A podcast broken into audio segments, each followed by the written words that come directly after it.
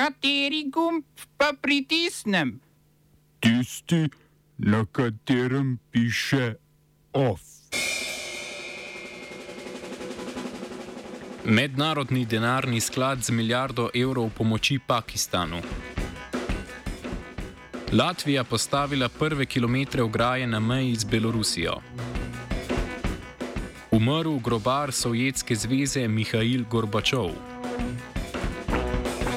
V kulturnih novicah mednarodni fotografski festival Kran Photofest.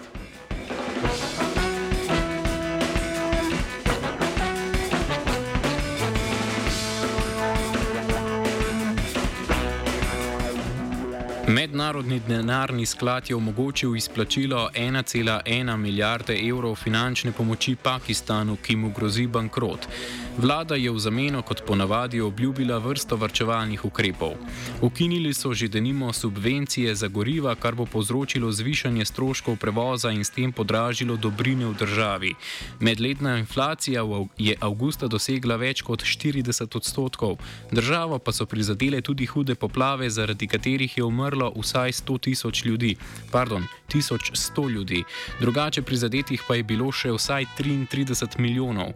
Pakistan je le ena od številnih držav, ki so odvisne od uvoza surovin v tuji valuti in sta jih rast cen surovin ter krepitev dolarja pahnili na rob bankrota. V Južni Aziji je že bankrotirala Šrilanka, za pomoč mednarodnega denarnega sklada pa je zaprosil tudi Bangladeš.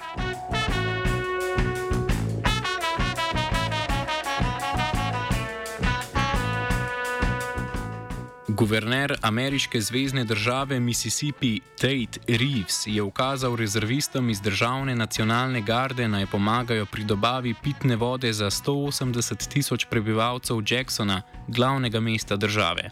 Zaradi izrednih razmer, ki so jih povzročile poplave konec prejšnjega tedna, je v mestu in sosednjih krajih razglasil izredno stanje.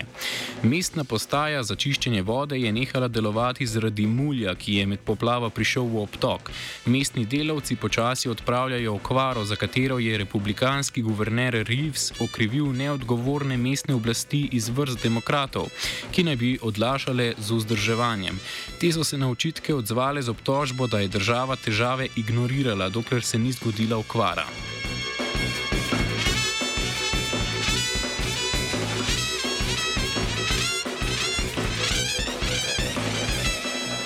Japonski premijer Fumio Kishida se je javno opravičil za izgubo zaupanja v politiko, ki je posledica povezav vladajoče stranke z družitveno cerkvijo in se zavezal k prekinitvi odnosov z njo. Povezave med liberalno-demokratsko stranko, krajše LT, LDP, in desno naravnanim politično vplivnim novim verskim gibanjem iz Južne Koreje so spet postale tema javne razprave po julijskem atentatu na nekdanjega premijeja Shinza Abeja. Storilčev motiv je bilo maščevanje za finančno izkoriščanje njegove matere, ki je združitveni cerkvi donirala okrog 720 tisoč evrov in hišo, v kateri je živela njena družina. Stiski med cerkvijo in vladajočim LDP-jem segajo v čas hladne vojne, ko so našli skupno točko v nasprotovanju komunizmu. Zaradi afere je podpora vladajoči stranki padla za 13 odstotkov. Zato je Kišida 10. augusta odstavil sedem ministrov, ki so bili tesno povezani povezani z družitveno cerkvijo.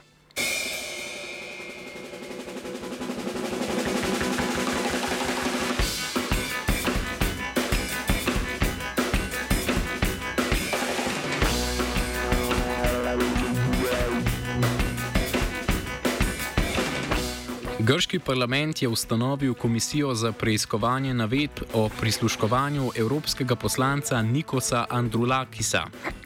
Voditelj levo-sredinske stranke PASOK, sicer druge največje v opoziciji, je konec julija razkril, da so neznani storilci na njegov mobilni telefon skušali namestiti vohunski program Predator. Poskus so odkrili preiskovalci Evropskega parlamenta, ko so med rutinskim pregledom za vohunske viruse opazili sumljivo spletno povezavo v njegovih zasebnih sporočilih. Za poskus je Andrulakis obtožil desno-sredinsko vlado Kirijakosa Mitsotakisa, ki je vpletenost zanikal, a je priznal, da je bil Andrulakis v tem času tarča druge preiskovalne operacije grške obveščevalne službe EIP. Grška zakonodaja sicer določa, da morajo biti državljani obveščeni, ko jim prisluškujejo, a je bila nedavno dodana izjema pri primerih, ki zadevajo nacionalno varnost. Pri Andrulakisu naj bi šlo za prav takšen primer, čeprav vlada ni razkrila, zakaj je bilo njegovo prisluškovanje v interesu javne varnosti. Grčijo so letos že obravnavali v poročilu Evropske komisije o človekovih pravicah zaradi prisluškovanja novinarjem. Zato naj bi po ugotovitvah Kanadskega inštituta za raziskovanje prisluškovalnih tehnologij Citizen Lab prav tako uporabljali program Predator. Grško vlado so na inštitutu prepoznali kot zelo verjetnega kupca te programske opreme.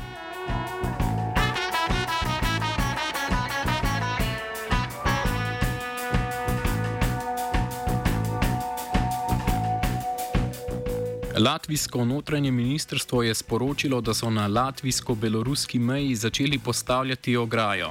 Na nekaterih odsekih že stoji bodeča žica, ki jo bo v naslednjih mesecih nadomestila trajna ograja. Ta bo stala vzdolž 150 od 172 km meje. Razlog za gradnjo ograje je bila migranska kriza, ki se je začela julija 2021, ko je beloruska vlada začela omogočati nemoten dostop do meje državljanom tretjih držav. Za gradnjo bo treba posekati gost na območju okrog 82 km odseka meje, trajala pa bo do leta 2024. Prejšnji torek je državni tožilec obtožil štiri uslužbence agencije za razpis in enega podjetnika goljufije pri dobavi materijala za gradnjo ograje. Sosednja Litva je v ponedeljek končala s postavljanjem 500 km dolge ograje na svoji meji z Belorusijo, Poljska pa jo je na svoji meji z Belorusijo izgradila že junija.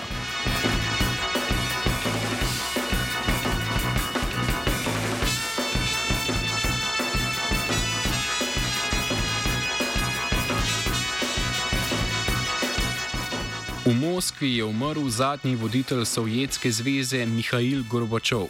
Reformistični voditelj je prišel na oblast leta 1985, do leta 1991 pa je s politikami perestrojke in glasnosti ter sporazumi z Združenimi državami Amerike pospešil propad Sovjetske zveze. Po upokojitvi se je ukvarjal s podbujanjem demokracije v Rusiji in snemanjem televizijskih reklam za ameriški Pizza Hut.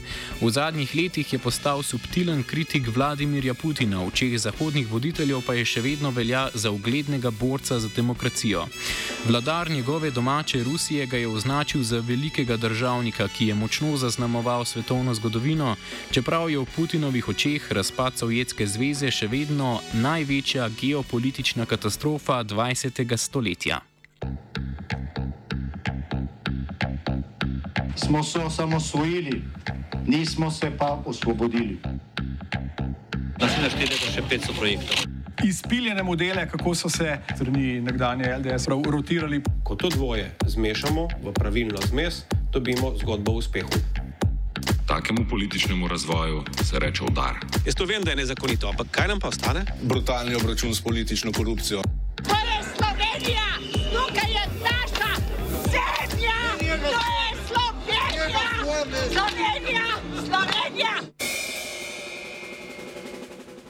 Poslanci v državnem zboru razpravljajo o predlogu zakona o začasnih ukrepih za odpravo posledic draginje za najbolj ranljive skupine prebivalstva, ki so mu vse poslanske skupine izrazile podporo. Predlog zakona predvideva izplačilo enkratnega dodatka za vse prejemnike socialne pomoči in najranljivejše skupine invalidov, višina pa bo odvisna od števila odraslih članov in otrok v posameznem gospodinstvu. Do dodatka naj bi bilo upravičenih okrog 116 tisoč ljudi. V opozicijski Novi Sloveniji pa si prizadevajo, da bi dodatek dobile tudi vse družine otrok s posebnimi potrebami. V slovenski demokratski stranki menijo, da je treba pomoč podeliti tudi upokojencem, katerih pokojnina ne presega praga revščine, nezaposlenim, delavcem na minimalni plači, kmetom, študentom in drugim skupinam invalidov.